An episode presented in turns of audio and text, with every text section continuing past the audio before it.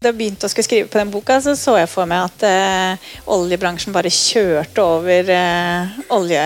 Eh, eller over politikerne i Norge. Men så skjønte jeg jo etter hvert at det er jo sånn at politikerne bare legger seg ned og sier 'kom igjen, kjør på'. For de vil, de, de vil, jo ha de penga. Det er utrolig morsomt å være politiker i et land der du kan klippe snor for nye bruer hele tida, og det er uh, kulturhus, og det er full barnehagedekning, og vi har det jo kjempebra. Hvordan ser framtida ut for oljebransjen etter klimakrise, koronapandemi og nedgang i oljeprisen? Anne Karin Sæther står bak boka 'De beste intensjoner oljelandet i klimakampen'. Hun møtte Klaus Moen, tidligere sjeføkonom i Equinor og nå rektor ved Universitetet i Stavanger, til debatt på Kapittelfestivalen i 2020. De snakket òg en god del om hvordan oljebransjen har oppnådd så stor innflytelse, og sin enestående posisjon i Norge i dag. Så jeg skal begynne litt her, så setter jeg stor pris på invitasjonen. Dette er en litt uh, uvant scene og sammenheng for meg. Jeg snakker jo helst om olje- og gassnæringen med økonomer og finansfolk og ingeniører og kanskje folk fra næringen. Og da har en lett for å bli opphengt i et teknokratisk språk, kanskje, med fokus på leite, leiting etter olje, utbyggingsløsninger og rørledninger og avkastning og profitt osv. Men dette er jo en litteraturfestival, så Anne Karin, jeg eh, tenkte vi må prøve å få til noe litt annerledes her. For ærlig talt så begynner jeg å gå litt lei av dette teknokratispråket jeg òg av og til. Og det syns jeg er veldig spennende med denne settingen. Har du vært på litteraturfestival og snakket om dette temaet tidligere? Ja, jeg har vært på flere. Eh, Bjørnsonfestivalen og på Lillehammer og i Bergen. På, på, Verden i Bergen. Så jeg har fått uh, være med på flere. Ja, foregår det på en annen måte enn i andre sammenhenger, syns du? Mm, nei, det blir, eh, det blir, jo fort litt nerdete. Uansett eh, hva slags publikum uh, det er. Men vi får prøve nå, da. Og så snakke litt mer generelt, og ikke for mye om oljepris og kvotepris og sånn.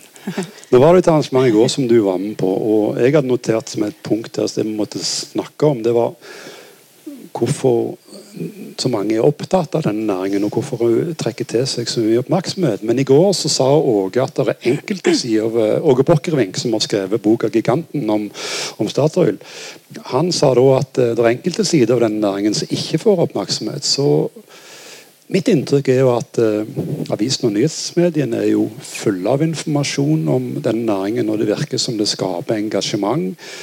Men så er det enkelte sider da, som kanskje ikke blir så godt dekka mm. som de burde. Hva tenker du? Men Kanskje du ser det som fordi du bor i Stavanger? For Aftenblad dekker jo olja veldig bra, og du har Rogalands Avis. Men ellers er det jo nesten bare nisjemedier mm. som uh, dekker uh, olja. Uh, de riksmediene er det utrolig lite oljestoff i, egentlig. Med tanke på at det her er en slags uh, hjørnesteinsbedrift for Norge, nærmest. Og um, det er jo mange teknologiske bragder uh, i olja som hadde vært kjempespennende å lese om. Som ikke får uh, oppmerksomhet. Det er masse. Jeg syns sjøl òg det skrives ganske lite om, om ting som CO2-håndtering og hydrogen og muligheter framover. Det, ja, det er underdekka, egentlig. Ja, jeg skjønner. Jeg er nok prega av at jeg bor her, ja. Og mm. kanskje fordi jeg søker dette stoffet òg, holdt jeg på å si. Mm. Man blir jo fanga av uh, den virkeligheten man lever i. og de uh, informasjonskildene man setter seg opp med i dagens uh, medieverden. Så det er nok rett. altså. Men jeg har fortsatt også et inntrykk av at næringen skaper engasjement, og at oppfatningene om denne næringen er nokså ulike. Ja, og det har jo dratt seg til litt uh, de siste åra. Det er jo uh, mye konflikt uh, rundt den bransjen her. Og den skaper jo stort engasjement både for de som lever i den, og de som står på utsida og har et litt annet syn. men for veldig mange år siden så hadde man jo egne oljejournalister. Husker du det? Da var det masse om det hele tida. Da var det mer om sjølve eh, industrien og konkurranse mellom Statoil og Hydro og sånt. Mm. Mens nå er det jo veldig mye klima det handler om. Og elektrifisering og hvor store utslippene er. Og om vi skal sette en sluttdato eh, eller ikke. Mm. Og jeg skjønner at det skaper veldig eh, stort engasjement på begge sider. fordi det er jo dramatiske ting som skjer. For noen så kan det jo bety at man mister jobben, eh, mister tryggheten, mister identiteten sin. Eh, andre er veldig bekymra for klimaendringer. Og det er jo um, utrolig mange skumle rapporter som har kommet de seneste åra. Eh, så mange er veldig veldig bekymra for det. så det, ja, det er mye følelser i spill da, på begge sider. Ikke sant? Det, og jeg, har en sånn fornemmelse av at uh, dette følelsesmessige engasjementet har steget gjennom årene. Nå har jo du oppsummert dette og gjort et arbeid med boken din fra 2017 som belyser dette på en veldig god måte. Men hvis du, hvis du tenker historisk på dette, kjenner du det òg igjen? Var det mindre følelser knyttet til næringen for 20 år siden 30 år siden enn det er i dag? Ja, det er jeg ganske sikker på. Er ikke du òg? Jo, jeg føler det sånn. Men hva, hva, hva, tror du det kan skyldes i så fall? At, at vi har blitt så mye mer edgy, eller Nei, du, ja, det er jo det at man har kobla klima og olje. Før så var jo klima og olje på hver sin planet. Du drev med klimapolitikk et sted, og så oljepolitikk et annet sted. Og på et eller annet tidspunkt så møttes jo de her, og nå snakker vi om det som ja, innafor samme samtale. Og da blir det veldig fort eh, sterke fronter. Ja. Og, um, og så er det jo Eh, også mye av den her kommunikasjonen rundt som har eh, vært eh, kontroversiell. Som jeg, Mm. jeg, skriver om en del av den eh, kommunikasjonen i oljebransjen som kanskje har vært eh, litt drøy. Og som også en del ingeniører vet jeg, internt i bransjen har syntes har vært litt drøy. Man jobber jo med olje for å tjene penger, men det har blitt kommunisert av både politikere og noen kommunikasjonsfolk at man gjør det nærmest for å redde verden. Jeg husker da Toril Vidvei var, eh, eller skulle gå av som olje- og energiminister i 2005. Så hadde hun et avskjedsintervju der hun eh, advarte mot at de rød-grønne ikke ville åpne Lofoten, Vesterålen og Senja for oljeboring. Og at det var utrolig usolidarisk med de fattige i verden. Fordi de trenger jo energi. Og da spurte journalisten i Aftenposten ja, mener du at det er en form for uhjelp, nærmest, da, å åpne Lofoten, Vesterålen og Senja? Ja, absolutt, sa Vidvei. Og seinere hadde du Borten Moe, som viste bilder fra ei jordhytte i Ghana eller et annet afrikansk land og sa dette er folk som trenger etter energi. Dette er grunnen til at vi må åpne Barentshavet.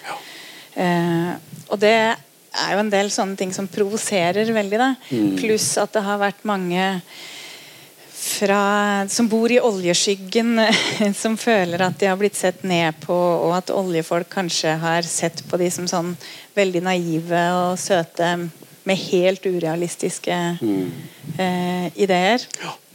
For de som er fremmed for begrepet oljeskyggen, så er det alle andre deler av landet enn Vestlandet. for å si det sånn i korte trekk. Altså. Ja. Og skyggen er spesielt mørk i Oslo, kanskje. Ja.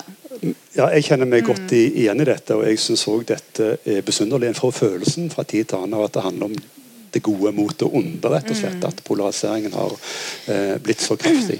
Men det som undrer meg òg med akkurat det du sier, for i enkelte sammenhenger så argumenterer jo eh, olje- og gassnæringen for at de skal forsyne eh, verden med energi, og de skal løfte hundrevis av millioner eh, ut av fattigdom osv.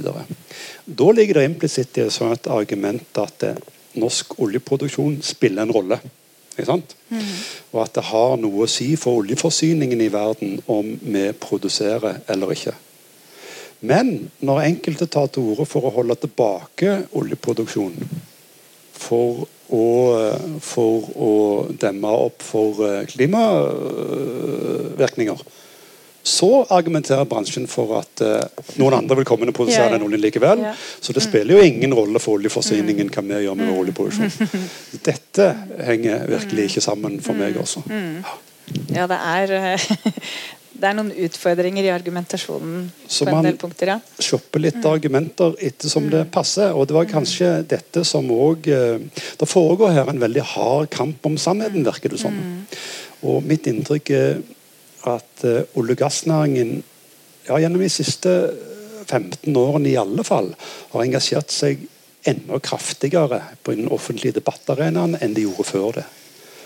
Og jeg har det tror jeg henger sammen med utviklingen i klimautfordringen, og at eh, næringen har sett at det er andre interessegrupper som er i ferd med å innta dette domenet der politikken faktisk skapes. Og Det kan jo ikke oljenæringen sitte og bare være tilskuere til. Og Derfor så kaster de seg inn. Og, flere, og, og for å prøve å påvirke politikken og rammevilkårene for egen virksomhet. Og Det er det som mange måter er et tema for boken Ja. din òg, er det ikke det? Ja, før så behøvde de jo ikke å være så veldig på hugget, fordi mm. de fikk det som de ville uansett. Ja. Det var Wenche eh, Wenche har kalt deg oljebygd. Eh, fordi du har oljepolitikere, og du har oljebyråkrater og du har folk i oljebransjen som alle mener det samme. Ja. Så det er veldig greit. Du trenger ikke å ringe og høre hva de mener. Mm. du veit det allerede, fordi du har vært på flyet til Stavanger sammen, du har vært på frokostseminarer og middager og hos naboen, og alle er rørende enige eh, om hva som trengs. Så da har de ikke trengt å være så veldig ute. Ja. Jeg har sett litt på dette fra et sånn kvasi-akademisk ståsted. og det er i hvert fall registrert som helt utvilsomt at for 15 år pluss siden så begynte alle oljeselskapene Tidligere var det bare BP som hadde Nei, Shell var det som hadde gjort det. Og De hadde lagd energiscenarioer. Det har Shell holdt på med siden begynnelsen av 90-tallet. i alle fall. Men fra årtusenskiftet så kasta de andre sel- sel- selskapene seg på og begynte altså å lage ulike former for framskrivinger og analyser av hvordan verden og energisituasjonen kommer til å se ut i framtida. Og Jeg lagde glansa rapporter og flotte nettsider om dette, og Statoil vet av de. Og Equinor nå. Energy Perspectives, som Ja. Equinor eh, sin nå heter, og som jeg selv faktisk var med å utvikle. Så dette, dette er et mønster, så er et mønster som tyder på at eh, næringen har engasjert seg kraftigere i den offentlige debatten enn tidligere. Eh, Et Kanskje, annet- ja, kanskje det her med det å gjøre at du måtte vise at du var viktig. Vise at ja. du kom til å være viktig langt framover òg. Fordi det var sånn at man hadde tatt det for gitt før, og så plutselig så begynte det nærmest å komme i en slags forsvarsposisjon. Og det var noe av argumentasjonen som ikke satt helt, spesielt rundt klima. Da. Jeg husker eh, at det var en Eller jeg sjekka det, da. Det var en tidobling eh, fra 2007 til 2008 i bruken av begrepet 'verden trenger mer energi'. Og hvorfor var det det? Fordi verden trengte jo mer energi før òg. det var ikke noe som plutselig skjedde. Men det som var bakgrunnen for det, var at eh, Statoil, som det het hadde jo gått inn i eh, oljesand i Canada i 2007 og møtte enormt mye mer motstand enn det man hadde sett for seg. Og Samtidig så sleit du veldig eh, i oppoverbakke i Lofoten, Vesterålen og Senja-saken. Så for å få mer forståelse rundt oljesand og valgene man tok generelt, så måtte du pakke det inn i en kontekst, sånn at det var lettere å få aksept. Og det var jo det de etter hvert kalte energirealitetene. Og det begynner med at eh, verden trenger mer energi. Eh, samtidig skal vi kutte klimagassutslippene. Eh, vi må ha fornybar energi, men det er så utrolig lite av det nå. Det er jo nesten ingenting. Så da må vi ha fossil energi i lang tid framover.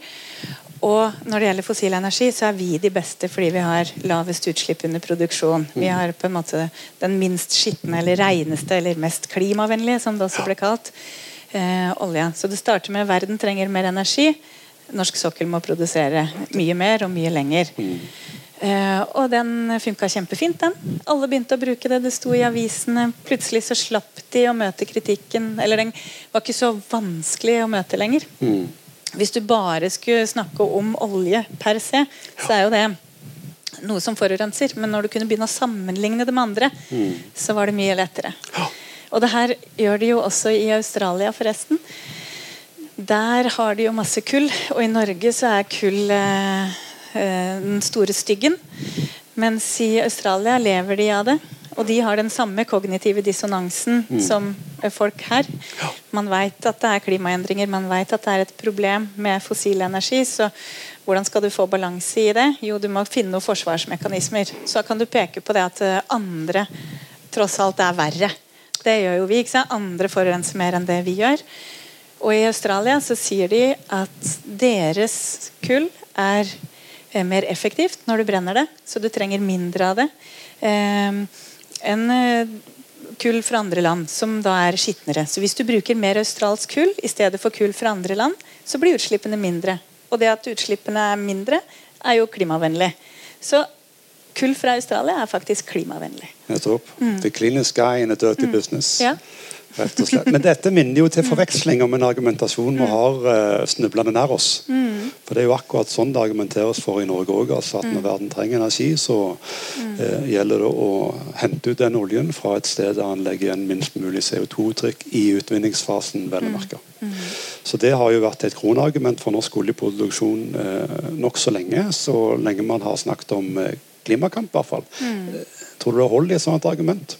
Det er jo sånn som det er med veldig mange av de mytene på feltet. er Litt sant og litt usant. Mm. Fordi um, det er jo bra at man har produsenter som produserer med mindre utslipp. Og Norge har, norsk oljeindustri har vært kjempegode på det. Det er ingen som har vært så gode som oss på det. Men samtidig så er jo det ja, 2-3 i Norge av de totale utslippene. Det som teller, er jo utslippene under eh, bruk.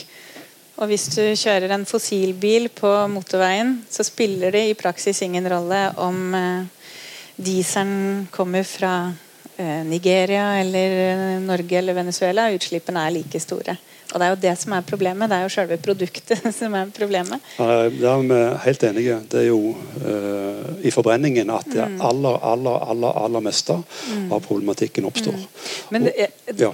da den argumentasjonen kom, så hadde vi jo egentlig en begynnende diskusjon om størrelsen på produksjonen. Mm. For på midten av 70-tallet så hadde vi satt en rekke mål for eh, norsk eh, oljeproduksjon. Man hadde bestemt at det skulle være en grense for hvor vi skulle leite. Mm. Eh, vi skulle jo ha maks 1200 eh, millioner tonn oljeekvivalenter i reserver til enhver tid. Eh, og så skulle man ha maks 90 millioner tonn eh, i årlig produksjon. Mm. Så man hadde jo egentlig satt grenser, veldig tydelige grenser for å være moderat. Ja.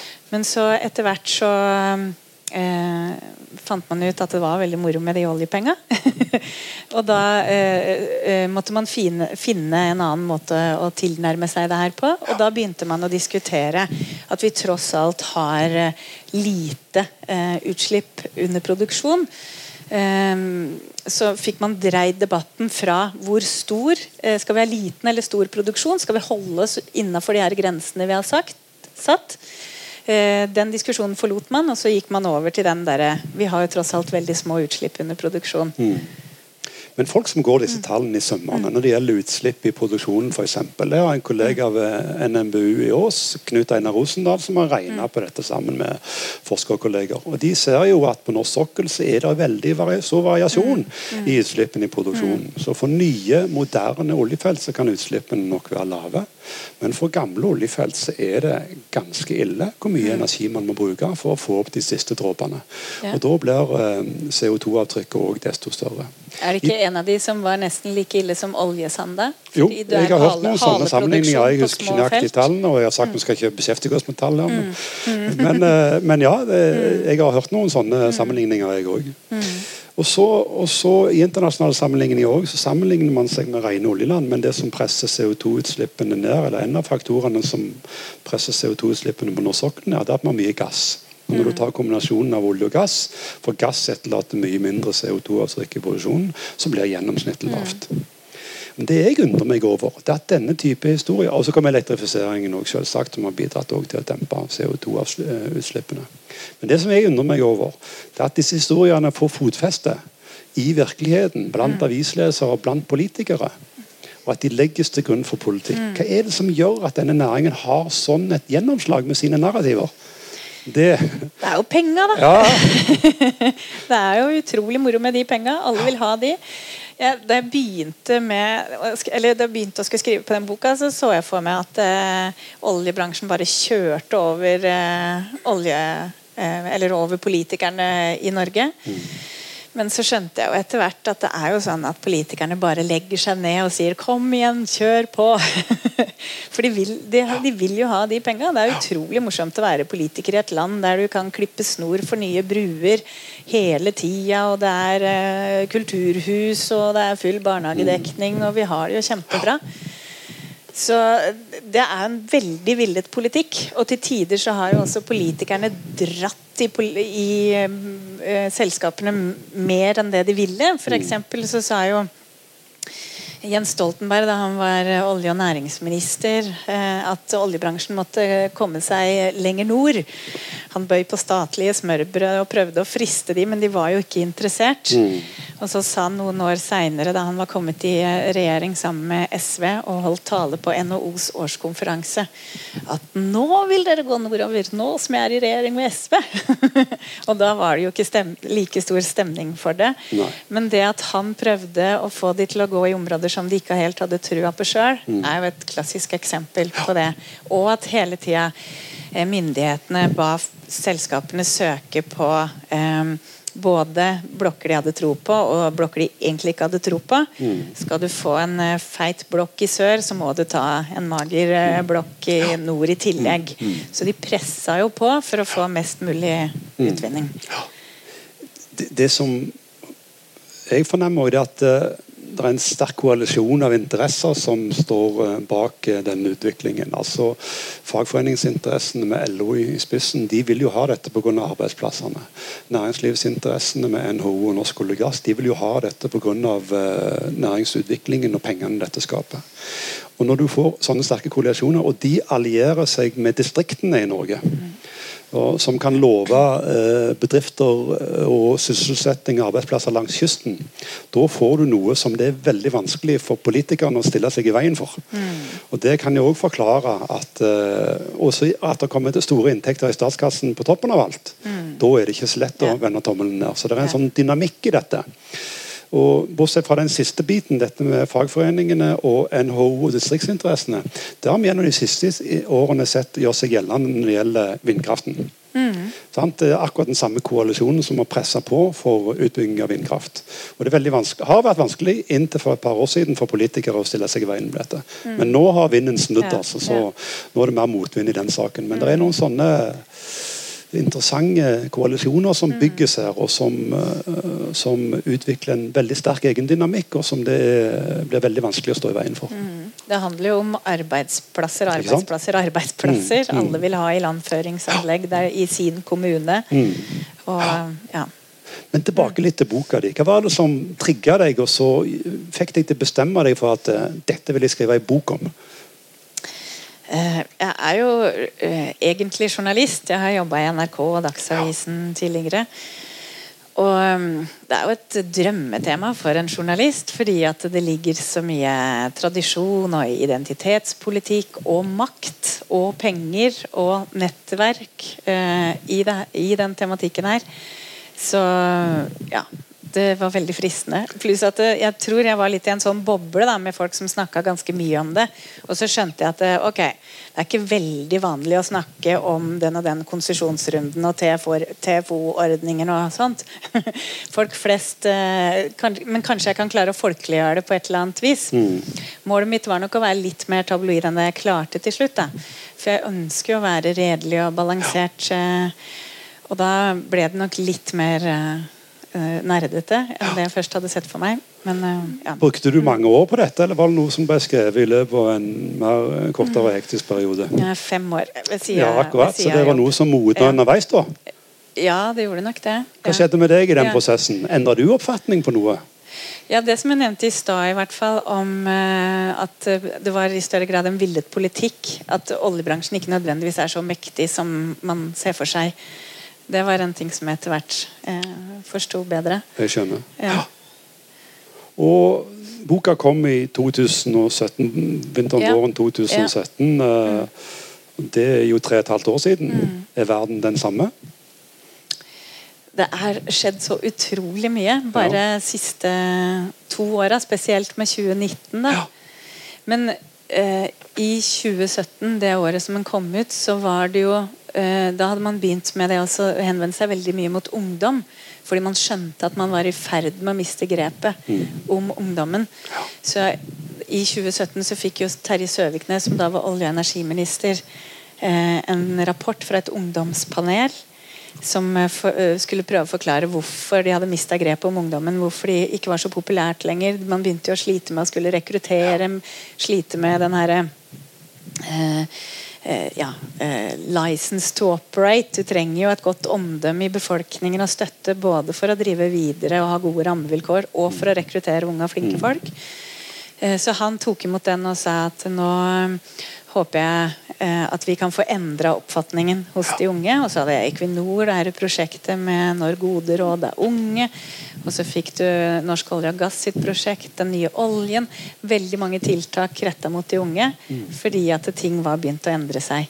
Og hvis du ser i ungdomspartiene nå, så er det vel bare FPU som har en sånn veldig oljevennlig politikk. I alle de andre så begynner det å sprekke opp. Og du snakka jo om den her konsensusen og at det har vært stor enighet eh, på tvers, men nå er det jo splittelse i både Høyre og Ap Ja, på det her. Ja, det er mye Så- mer fragmentering Ja. og polarisering i, olje- rundt oljepolitikken enn det det har vært. Det er jeg hjertens enig i.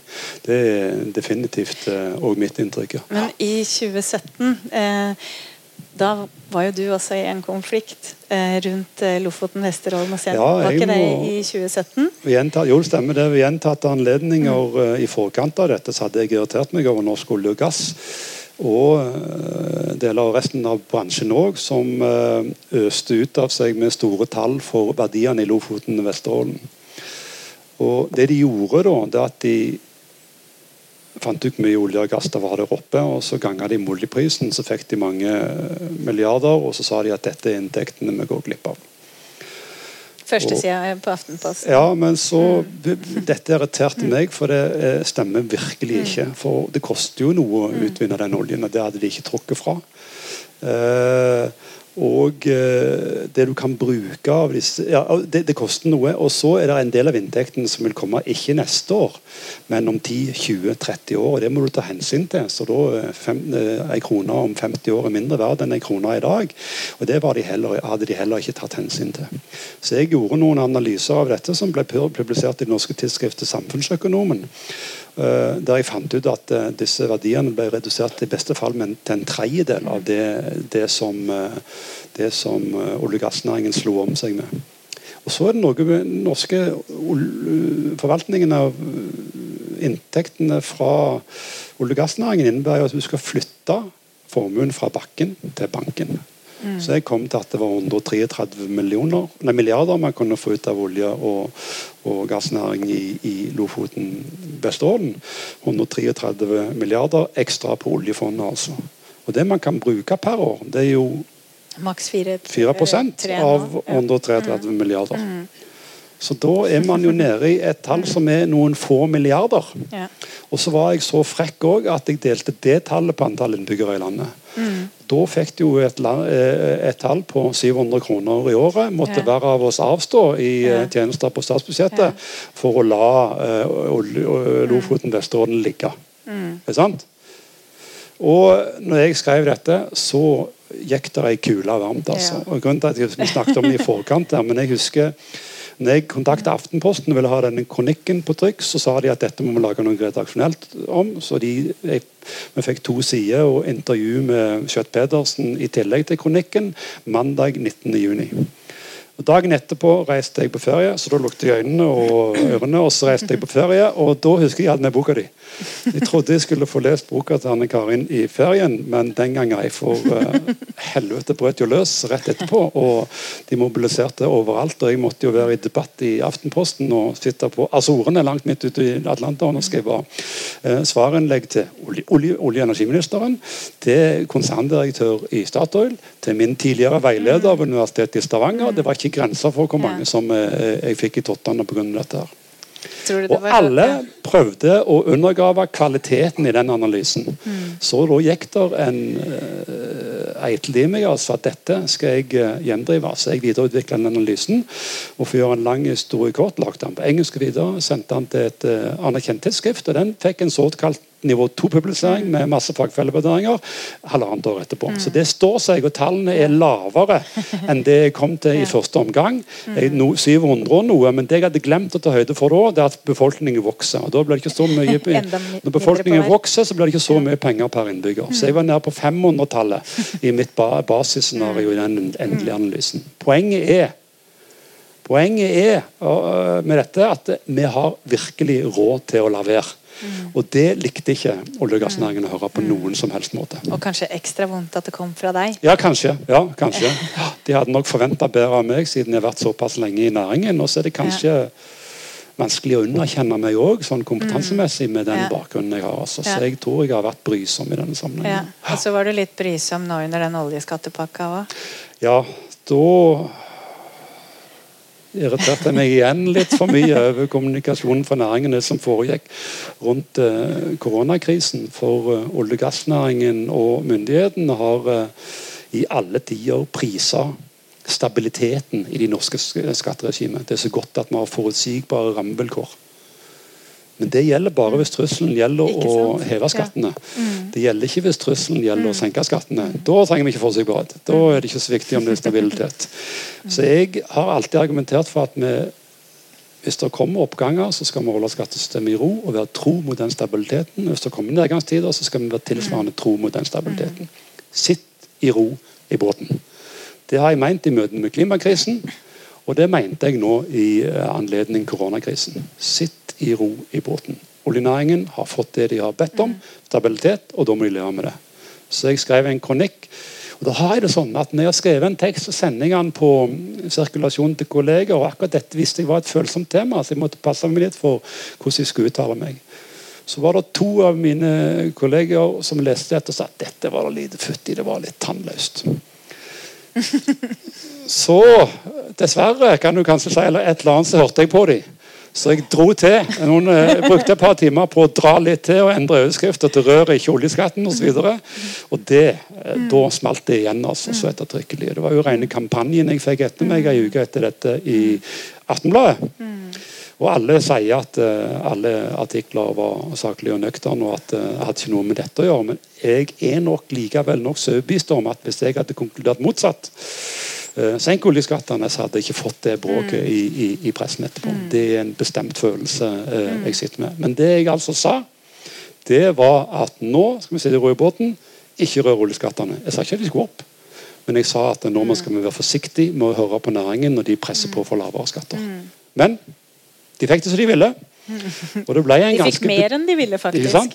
Det ble en ganske betydelig skattelette som ble forhandla fram i Stortinget eh, en måned etterpå. Men i mellomtida hadde opinionen flytta seg på en måte så at det var mye flere da som hadde forståelse for hva jeg hadde skrevet, i hvert fall generelt utenfor denne regionen, enn det var når min tekst eh, opprinnelig kom på trykk. Ja. Og Her er det òg et tankekors at hvis vi vil ha omstilling, så skal vi altså gi mer penger til den næringen som vi vil omstille oss bort fra. Det er et paradoks for, uh, uh, for meg. Og så ble det kalt en grønn Ja, omstillingspakke og eller så, eller sånt. så argumenterer man òg for at hvis man vil ha omstilling, så må olje- og gassnæringen og ikke minst leverandørbedriftene få gode rammevilkår, for det er de som skal forestå omstillingen. Hva er logikken i det? La oljeskatten gå til null, så får vi mer omstilling? Jeg skjønner ikke det, altså. Det må jeg bare innrømme. Ja, Jeg tror nok kanskje heller at eh, Jeg anerkjenner at det er veldig mye viktig kompetanse i olje- og gassnæringen og i leverandørbedriftene. Men jeg er ikke overbevist om at det er de selskapene som eh, eksisterer i dag, som er de beste til å ivareta omstillingen. Der må vi være åpne for at det kan være avskalling av selskaper og etablering av nye selskaper. At det eh, må tillates en dynamikk der, istedenfor å låse oss. Ja, du tar ikke, har ikke troa på. Equinor lenger? At de skal kunne gå faktisk bli et bredt energiselskap? Nei, jeg er skeptisk til at de skal bli, være en foregangsselskap når det gjelder omstilling. Historien har få eller ingen eksempler på at store selskaper av den typen har lykkes i en omstilling som det som eh, Equinor nå forespeiler oss. Så der må jeg innrømme at jeg er skeptisk. Ja, for, Foreløpig så har jo den grønne omstillinga i Equinor eh, handla om kommunikasjonsavdelingen. Eh, Ja. egentlig. De har veldig mye vindmøller i alle reklamene sine eh, nå, så det er jo ikke så veldig stor del enda. Men jeg tenker at eh, det er jo et stort og viktig selskap, så vi vil jo helst at det skal gå eh, bra med de òg. Og de har jo store muskler, og de har jo kompetanse de kan bruke. Jeg tenker at kanskje de kan klare det. At det ikke må være sånn at du må opprette andre selskaper. Ja, men når du tenker på den kulturen som sitter i veggene eh, i sånne selskap, med alle pengene de har brukt osv., er det det som er de viktigste konkurransefaktorene når det gjelder oppbyggingen av de, de næringene vi nå trenger? Mulig det er noen synergier når det gjelder offshorekompetanse og store, komplekse utbyggingsprosjekter på offshore vind. Det kan hende, altså. Men eh, når det gjelder sol, og når det gjelder vind på land, og når det gjelder kraftmarkedet, så klarer ikke jeg å se at eh, Equinor skulle ha noen spesielle fortrinn som mm. eh, setter de foran andre selskaper. Hvordan går det med Equinor da? Hvor, hva slags framtidsutsikter? Nei, Vi kan se på andre selskaper som har møtt en lignende skjebne. De, må, de stagnerer i utviklingen. ja. Og kanskje det splittes opp eller omstruktureres, så gradvis så forsvinner de. Så det er sånne, den type dynamikk jeg tror vi må tillate. Så, eh, det var en sak i Financial Times denne uka her som het eh, 'The Slow Death of Big Oil'. Som handla om at før så verdivurderte du selskaper etter hvor store reserver de hadde. Hvor mye ja, olje og gass du har tilgang til. Mens nå begynner man å verdivurdere etter hvor flink du er til å trekke deg ut av olje Akkurat. og gass. Så egentlig Ja. hvor små reserver du har.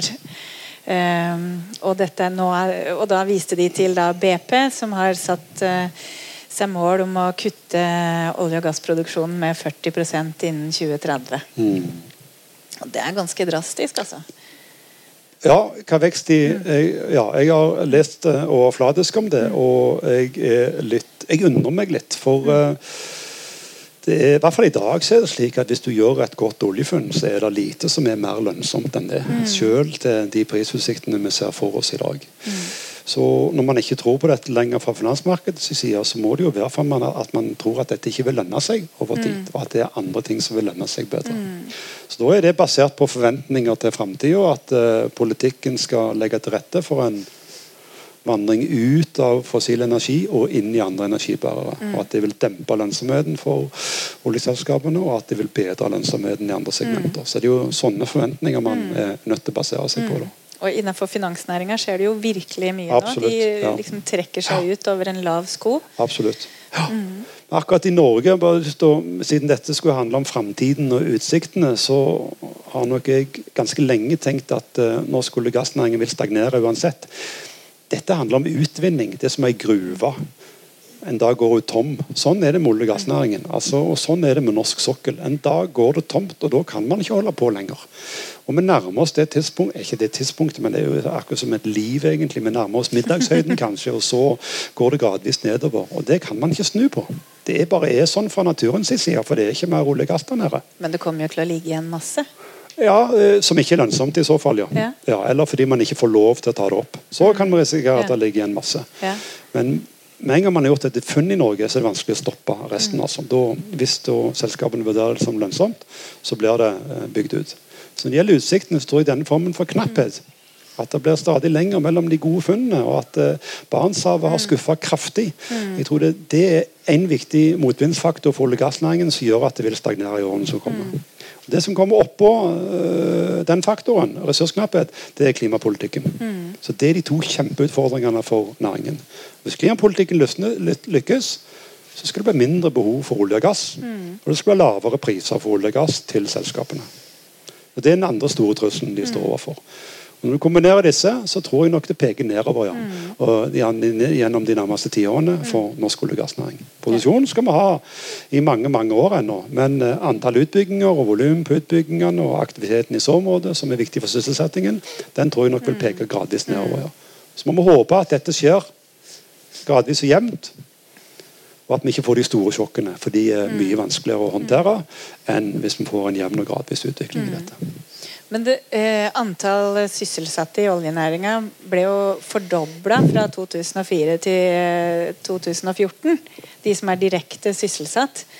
Så det gikk jo ganske fort opp, og da klarer vi også å gå ganske fort ned også, tenker jeg. Selv om det blir jo vondt og vanskelig, men det er ikke helt uh, utenkelig. Og hvis Nei, nei, nei. vi da klarer oss å fordele det over litt flere år, og ikke ha en avskalling som var så brutal som vi hadde i 2014 Nei, Jeg er helt enig, men det er jo sånn for næringer og for land og regioner og alt at det er mye enklere med vekst enn med det motsatte, for å Mm. Ja. si det sånn. Ja. Sånn at man uh, har mye sterkere motkrefter mot å, å nedskalere enn Mm. man har mot en kraftig vekst.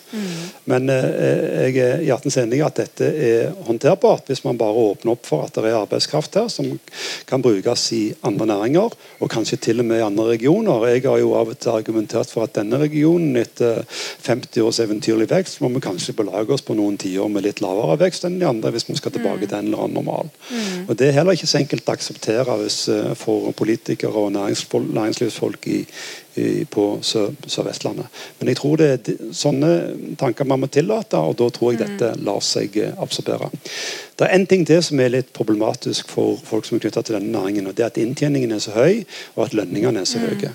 For De arbeidsplassene som måtte stå klare utenfor næringen, de har ikke den samme betalingsevnen som det man har blitt vant til i olje- og gassnæringen, i oljeselskapene spesielt, og til dels òg i leverandørnæringen. Så Ja, det er folk- ganske lenge siden én million var gjennomsnittslønna Ja? Ja. i Equinor. Så Det gjør det òg tøft og tungt for de som har kommet seg innenfor her og, og finne seg noe annet fordi mm. inntektene er lavere. Ja. Men eh, jeg tenker på ungdomspolitikerne som vi har nå, da. Hvor eh, ja, offensive eller brutale de kommer til å bli framover. Mange av de er jo veldig kritiske til eh, olje og kommer til å komme inn i maktposisjoner om ja, maks ti år. Mm. Hvordan ser det ut da? Hvordan ser det ut da? Ja, for du Du, har, jeg mener, du fortalte meg om et arrangement du hadde vært på nylig. eh, I regi av et oljeselskap i Ja, Oslo. Eller, ja, det var, et, eh, det var i fjor så var jeg på en markering for eh, 50-årsjubileet til Ekofisk. Og da var det stort sett eh, menn i dress med grått hår og meg som satt bakerst. og så handla det om det første, funn, første store funnet og den teknologiske utviklingen og alt som har vært fantastisk med Ekofisk. Og du så de liksom satt og svulma av stolthet. Og det er grunn til å være stolt av den historien. Og alle de kloke politiske beslutningene som ble tatt i starten, og alt bra som ble gjort. Men så, etterpå, så skulle det være en ungdomspolitikerdebatt som Maria Moreus Hansen eh, leda. Og da kom den ene etter den andre og sa at å, det er naivt å tro at vi skal holde på med olje i mange tiår til. Dette, snar, eh, dette skal vi slutte med snart. Og det ene partiet etter det andre hadde satt sluttdato. Ja, 2035 var kanskje maks, og nå er det bare havvind som gjelder. Eller sol og bio. Vi skal selvfølgelig ha flere ting. Det, eh, jeg satt jo også og tenkte at dette er jo ikke Det er ikke økonomi i det ennå. Det er kanskje litt naivt, men det går den veien. Og du så de her gamle kara satt og hadde det skikkelig vondt. Jeg syns nesten litt sånn synd på de. De satt liksom og krumma seg sånn og rista på huet og ja. Det er en, en stor generasjonskonflikt der, altså. Ja, ja. Folk som har vært med og bøy, eh, bygd opp næringa og har gjort masse bra, og så får de plutselig høre at de Ja, dette er bare noe dritt. Jeg har selv vært med på et arrangement som Shell har i Oslo hvert år. Shell Energy Dialogue. Og jeg får samme inntrykk når jeg er der. Det er ganske høy gjennomsnittsalder på, i publikum, og det er en veldig skjev kjønnsfordeling. for å si det sånn, Så det er mye mørkegrå dresser. Uh, så det der tror jeg kommer til å endre seg pga. demografiske forhold som uh, du er inne på.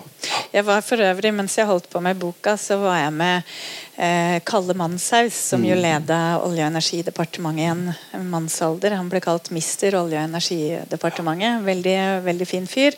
Jeg satt på kjøkkenet hans i fire timer en gang og snakka om den tidlige oljepolitikken. Og så ba han meg med på en sånn oljepils som eh, herrer, eh, godt voksne herrer fra både byråkratiet og ulike selskaper har en tirsdag i måneden i Oslo. Før, på den tida så var det på Fridtjof rett ved rådhuset der. Og det var jo ikke vanlig at det ble dratt med damer eh, på disse arrangementene. Og i hvert fall ikke ei dame som har vært kommunikasjonssjef i Bellona. Så de kasta seg over meg og eh, begynte å argumentere med at egentlig sola det er en eh, kommunistisk konspirasjon. Det er bare for å få avgifter inn i statskassa. og det, Målingene står jo ved sånne stasjoner der det er kjempevarmt. Det er, alt er overdrevet. Du må da vite det.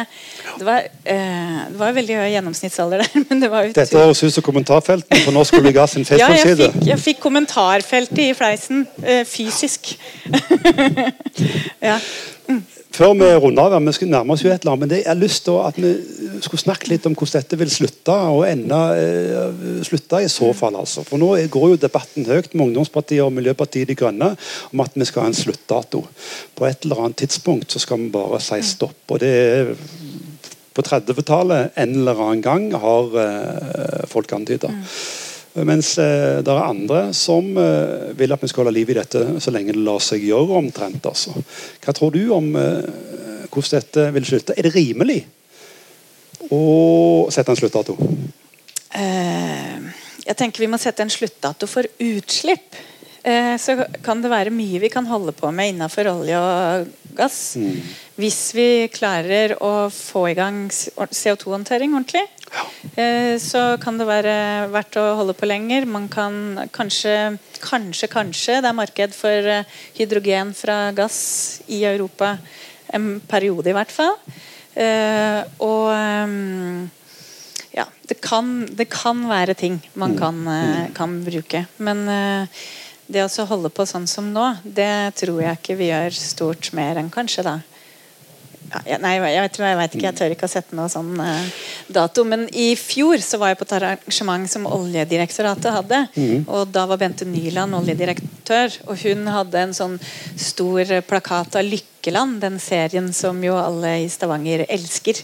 Jeg får eh, kort der det står 'Hilsen Lykkeland' fra onkelen min i Stavanger. Eh, og så sto det 'Lykkeland halvveis i historien'. sto det. Og Hvis du er halvveis i historien nå, sånn som da Bente Nyland mente at vi var, så skal du ha oljeproduksjon til 2070. Mm. Ja. Det tror jeg i hvert fall ikke skjer. Men forventa levetid for uh, Johan Sverdrup-feltet er jo i den horisonten omtrent også. Nei, de har nedjustert det. Har de nedjustert det? det? Ja. Litt, ja. Men ja. det er mange tiår til, i hvert fall. Ja. Men jeg tror de i 2030 vil ha tatt ut to tredjedeler av feltet. Jo, jo, men det er jo vanlig for et oljefelt. Det blir lang haleproduksjon, men mm. likevel. I, eh, for, I, vinter så var det jo en fra Unge Høyre som sa på Politisk kvarter at kanskje vi etter hvert må ta debatten om vi skal legge ned plattformer. En fra Unge Høyre. Mm. Jeg skjønner. ja. Er, men, ja, men hva, tror, hva, tror, du? Jo, jo, altså, Jeg er litt skeptisk til å sette en sluttdato 1.1.2033, mm. som om da skal vi skru igjen ja. kranene. Jeg tror ikke det, da, det tror jeg er litt naivt å tro at det er sånn det kan foregå. Så jeg er enig i at vi må nå våre klimapolitiske målsetninger, men overfor denne næringen så har vi en forpliktelse for de selskapene som satt, satt i gang og som har pøst inn store investeringer. Så det å bare si stopp, nå er det slutt, det mm. tror jeg ikke er rimelig. Jeg tror man må gripe det an på en litt annen måte. Hvis man ønsker å dempe olje- og gassproduksjonen over tid, så bør man begynne med å dempe letevirksomheten nå. Ja, foreslo, eller Programkomiteen til Venstre foreslo jo nå ja. ikke gitt flere områder. Det, det, da vet man at det blir ikke gjort det blir ikke leta mer, det blir ikke gjort noe mer funn, og da vil det stoppe opp en gang der. Eh, mm. Det, et annet virkemiddel kan bruke, man kan bruke, det er å dra til på skattesiden. Og Der er det ulike sider ved skattesystemet som tyder på at uh, olje- og gassnæringen faktisk har et veldig lempelig skattesystem på enkelte områder i forhold til fastlandsnæringer. Så hvis man vil dempe attraktiviteten og lønnsomheten og aktiviteten i olje- og gassnæringen, så kan man dra til på skattesiden. Mm. Det er de to, letepolitikken og skattesiden. Og Poenget mitt er at da vet man ikke nøyaktig når det vil slutte, men man vil legge en demper på det som skjer, og det vil slutte tidligere enn det ellers ville gjort. Mm. Det å si en dato, da skrur vi igjen alle kraner uansett hvor mye dere har igjen, det har jeg ikke noe tro på. altså. Men tror du vi fortsatt er et, uh, at oljebransjen er viktig i Norge i 2040? Mye mindre viktig enn i dag. Mm. Det er jo kanskje noen felt som fortsatt kommer til å surre og gå. og De krever tilsyn og vedlikehold, og det er noen som kommer til å jobbe der. Men vi kommer ikke til å ta den mm. entreprenørånden. Det blir mye mer av en driftsfase. Ting som mm. surrer og, og, går, rett og slett. Mm. Og at eh, på det settet kanskje gradvis ebber ut ettersom dette blir mindre økonomisk interessant over tid. Det er vel det jeg kanskje heller legger til grunn. Ja. Men det er motvind fra mange kanter nå, så jeg tror at uh, horisonten for olje- og gassnæringen er kortere nå enn den var for et tiår og to siden. Ja. Ja, det blir spennende. Det blir veldig spennende. Ja. Og i mellomtida så blir vi altså så kommuniserer de som best kan, de, de kan. Eh, det er en eh, anekdote til jeg må, må dra. Ja. Du nevnte eh, Lykkeland og, og, og oljedirektøren og eh, deres ressursrapport, som jeg har hørt eh, noen ganger bli presentert. De gir jo også et ganske løfterikt bilde for utsiktene på norsk sokkel og ser det nærmest som sin oppgave. Og framstiller dette som en eh, næring som har utsiktene med seg. Det Nei, Det var samme år, ja. Det var I 2017 så var jeg og hørte på presentasjonen av flaggskiprapporten på Oljedirektoratet. Ressursrapporten. Og Da fikk du akkurat det inntrykket. Mm. Masse igjen, ingen grunn til bremser. og Tut og kjør, og ikke hør på pessimistene. Så da skrev jeg en gjestekommentar i, i, i um, i Aftenbladet under tittelen 'Ikke stopp festen, det er mer kake igjen'. Og Der jeg var ganske eh, krass mot eh, ressursrapporten, fordi han ikke mm. tok inn over seg eh, hensynet til klimapolitisk risiko og hva som kunne skje med priser og aktivitet i den sammenheng. Og Dette òg skapte stor irritasjon, og da var det selveste Gunnar Berge som mm. tok på seg å belære meg på debattplass i Aftenposten om hvordan ting henger sammen i olje- og gassnæringen mm. og alt jeg hadde misforstått. Så det, det vekker sterke følelser hos folk, dette. Og spesielt de som har et tett eierskap til, til, til, til olje- og gassnæringen sånn som den er i dag. Ja, du har jo mange venner sikkert og ja da. Hvordan, det må jo være litt utfordrende i uh, oljehovedstaden? jo, jo, men nå det, Jeg priser meg lykkelig i så måte at jeg kom til en institusjon som, som setter integritet og uavhengighet veldig høyt. Så nå ja. dekker meg bak det, og det, det, det, er sånn jeg skal mm. agere nå. Men det er jo sånn for alle i denne byen. Mm. Alle kjenner jo en hel del folk ja. som jobber i olje- og gassnæringen. Ja, så jeg er ikke alene om det. Jeg tror ikke jeg har så veldig mye mer venner i den næringen enn mange mange andre mm. i, i, i, i denne byen har. Men det Man må jo kunne tenke litt større tanker likevel, mm. altså. Og, mm. og eh, det har vi gjort i dag. Så mm. det, Pilene peker nok rett fram og så litt nedover, og i mellomtida så trår næringen vannet som som best de kan. Med kommunikasjon og fakta. Ikke følelser, men fakta. Det, og det her kunne vi, kan vi, bare si, litt, kan vi bare si litt om det? Fordi jeg blir litt uh, provosert av uh, oljefolk som sier at de sitter med fakta, og at alle de andre bare holder på med følelser. Har du sett en Equinor-reklame før? De spilles jo like mye på følelser på begge mm. sider, akkurat som begge sider har eh, godt faktagrunnlag. Og, Brunost og skiløpere, og det er og, framtidens helter ja, osv. Morgendagens helter, ja. ja. Eh, og eh, Veldig mange sier at det er greit å være imot oljeleting eller være imot oljebransjen, men du må basere det på fakta. Du antyder liksom at eh, du har ikke noe med fakta, du forholder deg ikke til fakta hvis du er kritisk til, eh, til oljebransjen. Mm. Eh, men man har jo ganske solid klimavitenskap å mm. lene seg på. Eh, men det er akkurat som den ikke teller. Mm. Det er akkurat som de faktaene som har med penger å gjøre, mm. Eh, som er de viktige. Det er noe der. Ja, og De lager en svær kommunikasjonspakke og en kampanje som de kaller Energy Realities. Mm. Så er det tydelig hva de mener om hva motparten representerer. Ja. Det er i hvert fall ikke realiteter. Ikke de sier jo da implisitt at du er virkelighetsfjern ja, ja. hvis du ikke kjøper den pakka. Mm. Så, ja. Men, uh, Vi kunne fortsatt. Ja. Utsikten er mm. usikre, men uh, middagshøyden er nok nådd, tror jeg vi kan mm. konkludere med. Ja. Håper debatten fortsetter. Ja.